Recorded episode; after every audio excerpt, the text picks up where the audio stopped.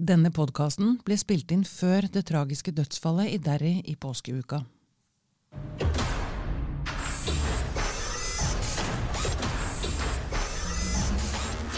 Industripodden, en podkast fra Norsk Industri. Velkommen til Industripodden, en podkast fra Norsk Industri. I studio Knut Baumann og Ole Løfsnes som vanlig. Jeg heter Nils Johan Halvorsen, og brexit er et tema, en gave, som ikke slutter å gi. Nei, dessverre.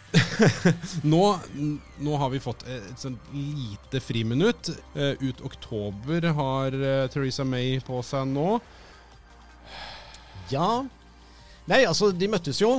Uh, både Theresa May og de 27 andre toppsjefene i EU. Da, og hun uh, la frem sin søknad om å få utsatt uh, brexit. Så gikk eh, hun ut av rommet, og så satt de andre presidenter og statsministre der og I fem timer. i fem timer. Vi får satse på at de fikk en god middag. Aspargessesongen har jo startet i Belgia nå. Ja. Men uh, hovedsaken var jo nettopp å diskutere denne søknaden til Theresa May, og enden på visa var at eh, hun får en utsettelse til 31. oktober, altså halloween. Ja, nettopp. Hva skal man kle seg ut som? Men, og så ble det da sagt i forkant av at eh, enigheten ble nådd, eller de kom til enighet, da. Så ble det sagt at denne utsettelsen må være fornuftig. Den må, tiden må brukes til noe fornuftig. Altså, Det blir jo bare mer krangling kom igjen da, fra Theresa May. Ja, Eller? altså Hvis de bare hadde sagt utsettelse, så kan du forestille seg at dette her blir den uendelige historien volume 2. At de bare fortsetter å be om flere og flere utsettelser. Så det ligger som en sånn premiss, som en sånn forutsetning, at nå må britene komme opp med noe. De må bli enige seg imellom. Og så må de legge frem en slags plan for eh, resten av EU. Sånn at man vet hva man har å forholde seg til. For det begynner å bli en del som er irritert nå.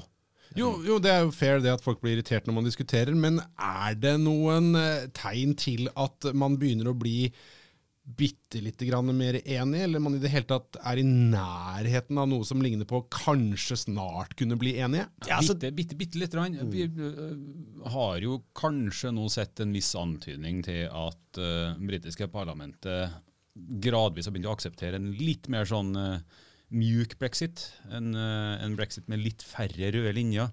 Eh, det aksepteres kanskje at man skal ha en sånn permanent deltakelse i tollunionen.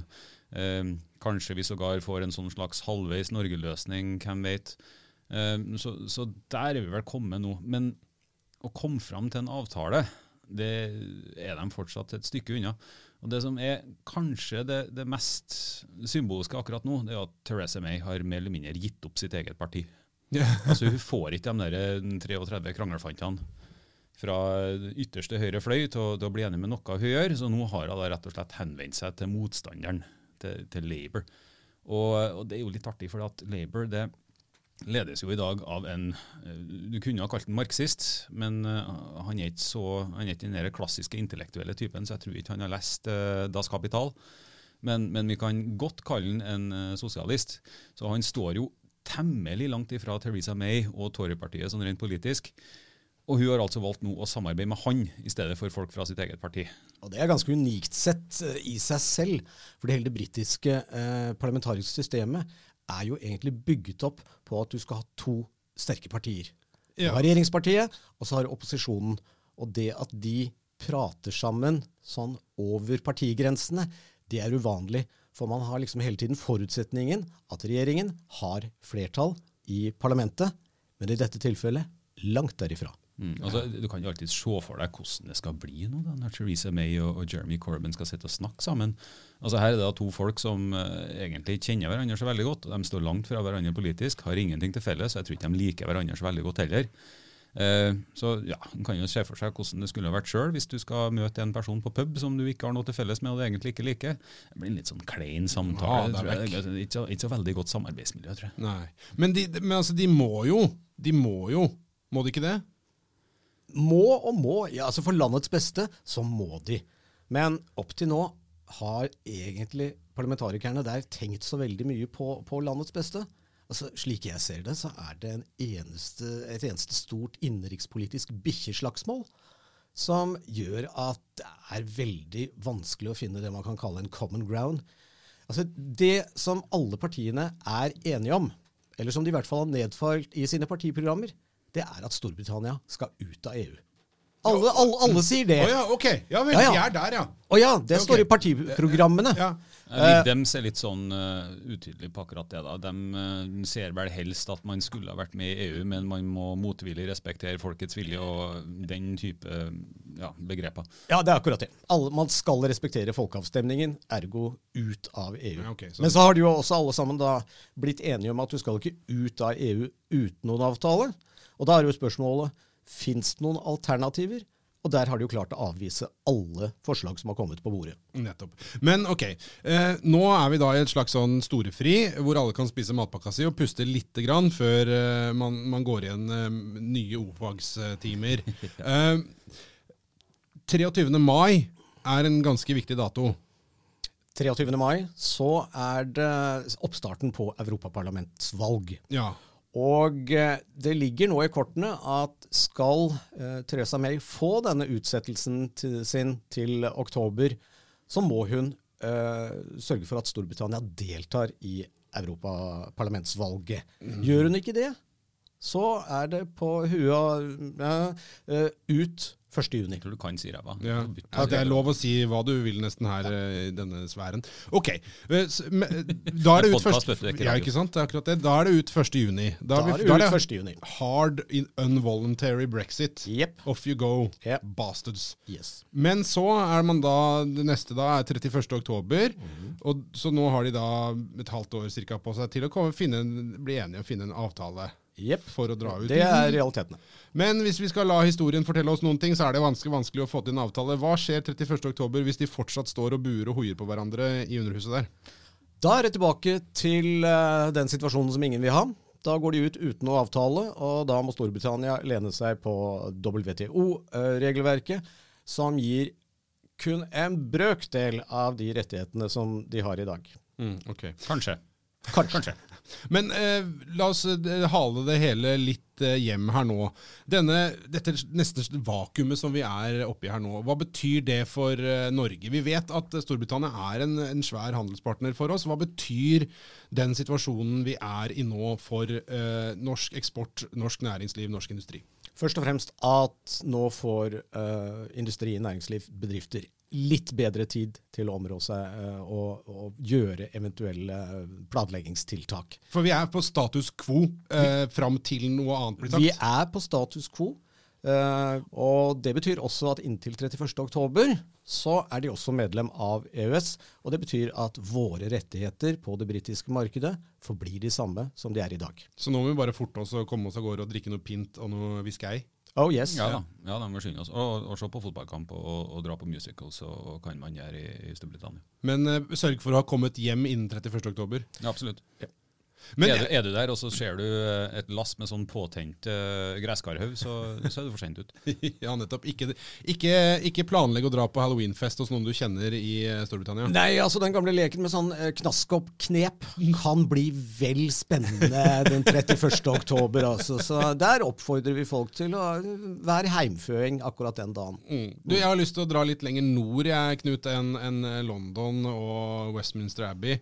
Uh, du har vært på fact-finding mission til uh, The Border, grensen til uh, Nord-Irland. Fortell litt om det. Det stemmer. Uh... For der er det jo altså, det, er, det er jo kanskje en grense som er en heftig en når det kommer til eventuell brexit. Det er en av de mest kilende grensene i eh, hele Europa. og var kanskje den mest kilende grensen en lang periode fra 70-tallet og et stykke inn på 90-tallet. Vi var jo over der for å se hvordan irrene har forberedt seg på en eventuelt hard brexit. Så vi snakket med myndigheter og næringslivsorganisasjoner og det ene med det andre. Og irrene har vært flinke. Allerede dagen etter eh, folkeavstemningen i juni 2016 så satte de i gang med å forberede seg eh, for å liksom kunne avhjelpe alle mulige slags praktiske og økonomiske konsekvenser. Det finnes et par problemer der, riktignok. Eh, selv om de har gjort kjempemye, så viser det seg at hele 80% av deres bedrifter fortsatt ikke har gjort så veldig mye for å forberede seg. Men så fikk vi en, eh, en liten overraskelse. det var at økonomi og praktiske hensyn det betydde veldig mye. Men det som betydde enda mer, det var frykten for at Nord-Irland-konflikten, the troubles, skulle komme tilbake. Og det overrasker meg, fordi jeg så en eh, amerikansk kommentator som eh, raljerte om nøyaktig det samme, og jeg tenkte han er bare en paranoid amerikaner som liker å snakke om terror og vold. Tenkte jeg.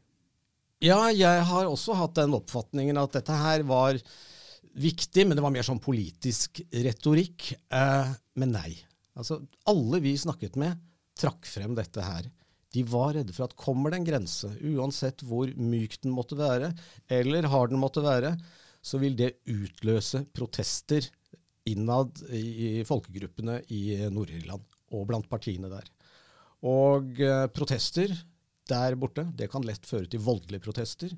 Og har du voldelige protester, så har du eh, gatekamper, og så kan du plutselig være i gang igjen med, med slagsmål mellom uh, unionister og de som vil forenes med Irland.